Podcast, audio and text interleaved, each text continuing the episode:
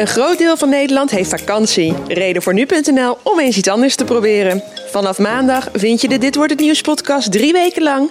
Niet ochtends, maar 's middags op nu.nl.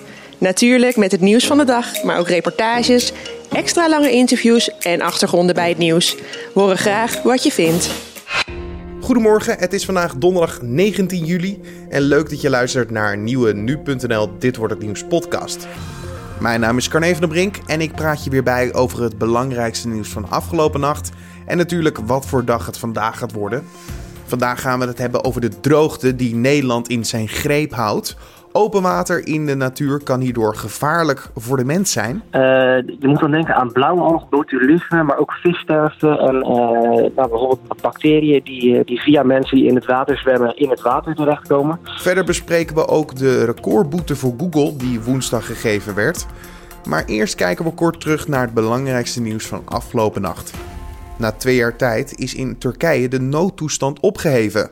Die werd kort na de mislukte staatsgreep in 2016 afgekondigd en verliep in de nacht van woensdag op donderdag.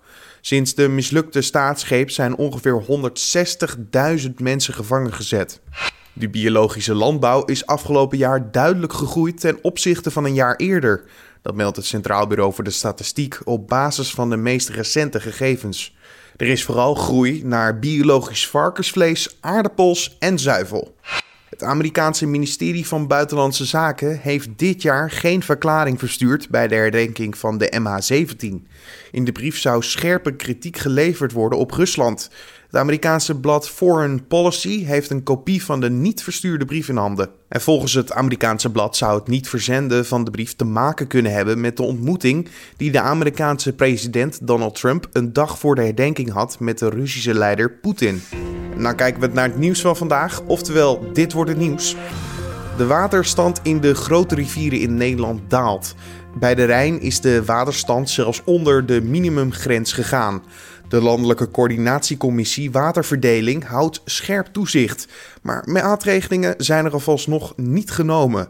Julien Dom spreekt hierover met Job van der Plicht van onze redactie. Ja, de LCW heeft bepaald dat de minimumgrens in juli dus in deze maand, uh, dat, dat er 1200 kubieke meter per seconde door de Rijn moet stromen. En als dat lager wordt, dan, uh, nou, dan wordt de situatie dus, uh, dus wel echt serieus.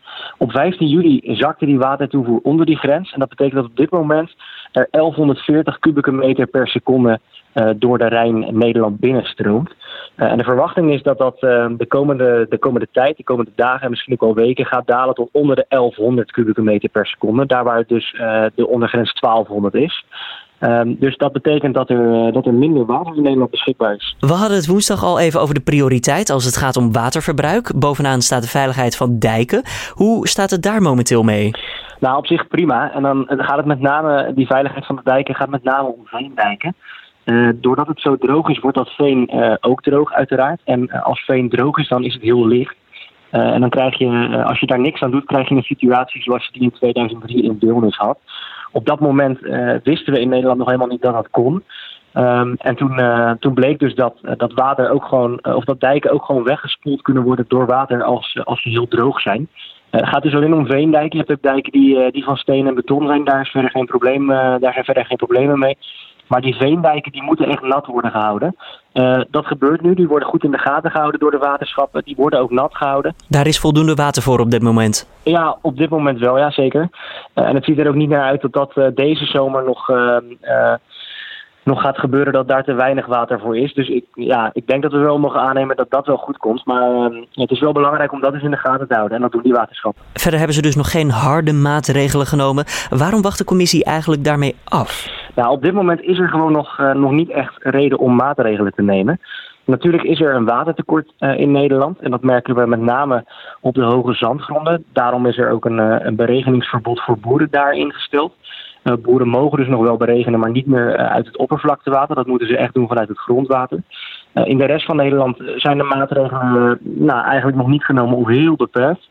En um, op het moment dat dus de Rijn, waar de rest van Nederland door wordt gevoerd, dat de Rijn laag komt te staan, dat is dus nu het geval. Ja. Dan bestaat de kans dat op termijn, want dat duurt natuurlijk even, dat, dat water moet eerst nog door de Rijn stromen op, op het moment dat dat echt, echt kritiek wordt, misschien is kritiek zelfs wel een heel zwaar woord, want de problemen vallen wel mee, maar als dat serieus wordt, dan, ehm, nou, dan bestaat dus de kans dat ook in de rest van Nederland maatregelen worden genomen. En momenteel wordt er wel al even gekeken naar verzilting, vooral in het westen van het land. Wat houdt dat precies in dan? Nou, in het westen van het land is verzilting inderdaad wel een, een probleem bij droogte. Uh, verzilting ontstaat door twee, op twee manieren. Ten eerste het zeewater dat bijvoorbeeld bij Rotterdam de nieuwe waterweg instroomt. Dat is natuurlijk zout. Normaal gesproken wordt dat teruggedrongen door zoet rivierwater. Maar als, de, als die rivier laag staat, waardoor er dus minder zoet water beschikbaar is, dan krijgt dat zoute water de overhand en drukt op die manier steeds verder het land binnen. En het grondwater in, ehm, in, in het westen van het land is ook een beetje zilt en dat komt omhoog. En dat moet eigenlijk weggespoeld worden. Maar ja, als daar ook weinig water voor beschikbaar is, dan betekent het dus dat nou, de planten die, die in het, het Westland bijvoorbeeld geteeld worden, dat die te maken krijgen met, ehm, ja, met wat zilter, zilter water wat ze krijgen. En dat moet dus voorkomen worden. Ook zijn er waarschuwingen voor de kwaliteit van het water, Job. het water staat relatief dus stil en begint op te warmen. Wat zijn mogelijke gevaren voor de mens? Ja, die zijn heel divers. Uh, je moet dan denken aan blauwalg, botulisme, maar ook vissterfte en uh, nou, bijvoorbeeld bacteriën die, eh, die via mensen die in het water zwemmen in het water terechtkomen. Um, ja, die, die, kunnen ziektes opleveren en dat zorgt ervoor dat, uh, dat zwemmen in water wat stilstaat en dus eigenlijk niet goed wordt ververst, dat dat niet goed voor je is en dat je daar nou, een beetje ziek, maar mogelijk zelfs ernstig ziek van kan worden. Kan je het herkennen op een bepaalde manier of er blauwalg bijvoorbeeld in het water zit? Ja, blauwalg zie je in het water. Dat is heel duidelijk dat het water dan, nou ja, dat daar algen op, op drijven. En vaak stinkt dat water ook.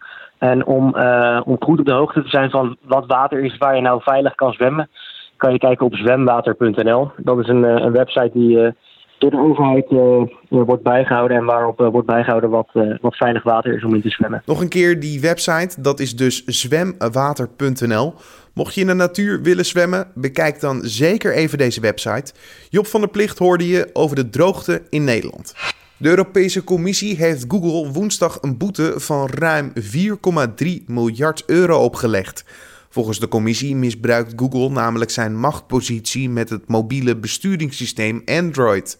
Over dit onderwerp ging collega Julian Dom in gesprek met nu-tech-redacteur Bastiaan Vroegop. Het gaat om een aantal verschillende punten binnen Android, maar de belangrijkste is misschien wel de zoekmachine van Google. Die staat namelijk standaard ingesteld in het Android-besturingssysteem. En dat betekent dus dat als je stel je bent een concurrent van Google, dus als Microsoft bijvoorbeeld Bing als zoekmachine, ja. Uh, die kunnen heel lastig concurreren met zo'n bedrijf dat al in zijn eigen software die standaard heeft ingesteld. En tegelijkertijd is natuurlijk Google verantwoordelijk voor zo'n beetje, nou, afgelopen jaar is ongeveer 85% van alle verkochte telefoons zoals een Android-telefoon. Ze hebben een gigantisch bereik. En ja, dan heb je toch een zekere verantwoordelijkheid, vindt de Europese Unie om ervoor te zorgen dat ook de concurrenten op jouw hele grote platform tegen jou kunnen concurreren. Je noemde al even een van die concurrenten, Bing. Um, is dat makkelijk in te stellen, een uh, andere zoekmachine op je telefoon? Of moet je daarvoor echt gewoon ja, de wereld omkeren? Nou, het is dus wel mogelijk. Uh, binnen Android zijn er wel mogelijkheden om allemaal standaard apps te veranderen. Uh, maar het staat niet, eh, je krijgt niet bij het opstarten van je telefoon, als je de eerste keer opstart, is het gewoon Google. En je moet uit je weg gaan om iets anders in te stellen.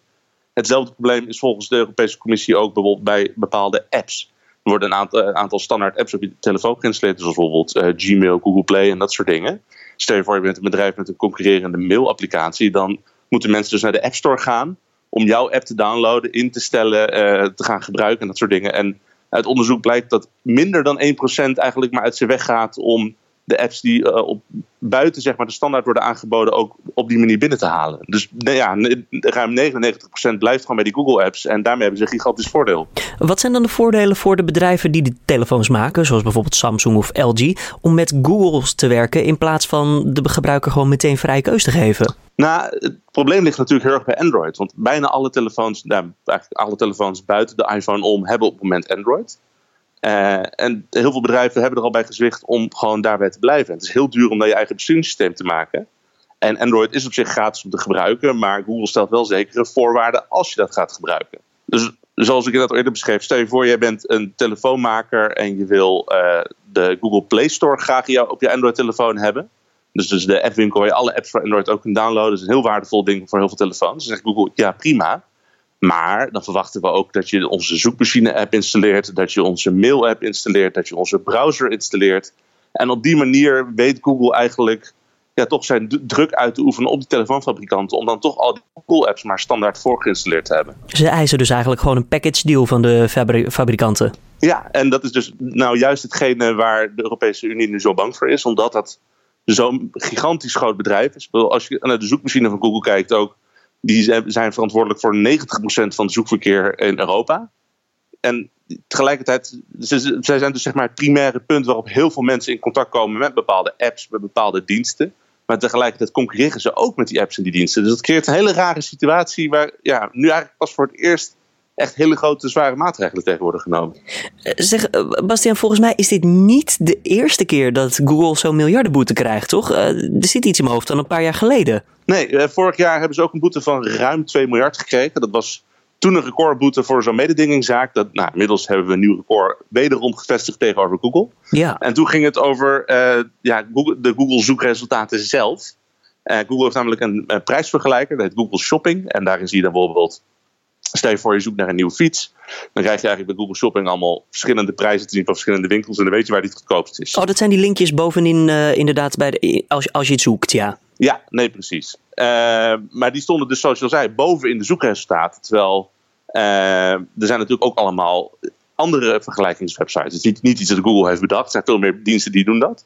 Maar als je de, de resultaten van bijvoorbeeld een prijsvergelijk.nl die staan dus veel lager in de resultaten, gewoon als gewone zoekopdrachten. En daarmee had Google's eigen Google Shopping had een veel prominentere rol. En ja, eigenlijk was dat dus oneerlijke concurrentie volgens de Europese Unie. Duidelijk is dus dat Google niet van die zaak heeft geleerd, want nu is het dus weer zover, machtspositie misbruiken.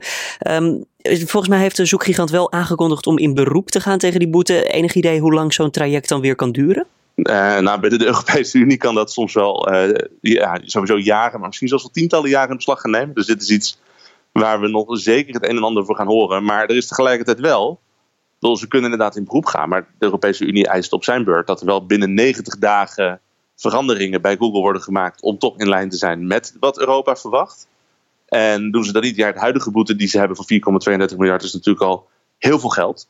Maar als, uh, als ze niet in lijn gaan, dan wordt iedere dag 5% van de dagomzet van Google ook als boete gerekend, totdat ze zich wel aanpassen.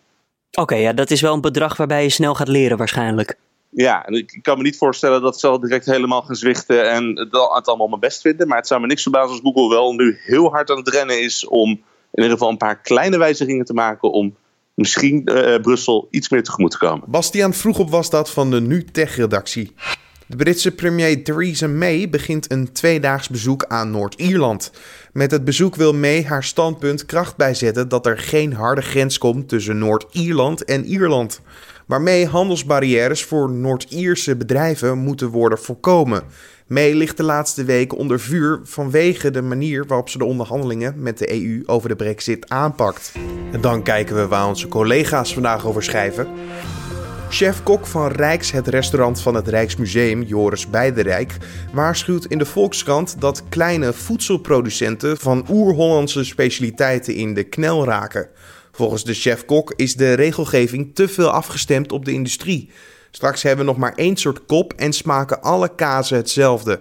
Later vandaag gaat hij in gesprek met minister van Landbouw Carola Schouten, die het Rijks bezoekt. En dan nog even het weer. Er waait een zwakke tot matige noordelijke wind vandaag. In de middag wordt het met 24 tot 29 graden warmer dan woensdag. Maar verder verandert er niet veel ten opzichte van de afgelopen dagen. En dan nog dit. Lodewijk Hoekstra is vanaf september te zien bij het SBS-programma De Grote Tuinverbouwing. De presentator maakte eerder programma's bij RTL, zoals Eigen Huis en Tuin. RTL gaf mij te weinig ruimte om te doen wat ik wil, laten zien hoe belangrijk duurzaamheid is. Zo vertelt Hoekstra in gesprek met nu.nl. Mocht je meer willen weten over deze overstap, op de site staat een langer interview met Lodewijk Hoekstra. Dit was dan de Dit wordt het nieuws podcast voor deze donderdag 19 juli. Je vindt de Dit wordt het nieuws podcast natuurlijk elke ochtend om 6 uur ochtends op de voorpagina van nu.nl of natuurlijk via je desbetreffende podcast hebt. En vind je dit nou een fijne podcast? Wil je ons feedback sturen? Dat kan altijd via een recensie op iTunes of natuurlijk een mailtje naar redactie.nu.nl. Voor nu wens ik je een mooie dag en Tot morgen.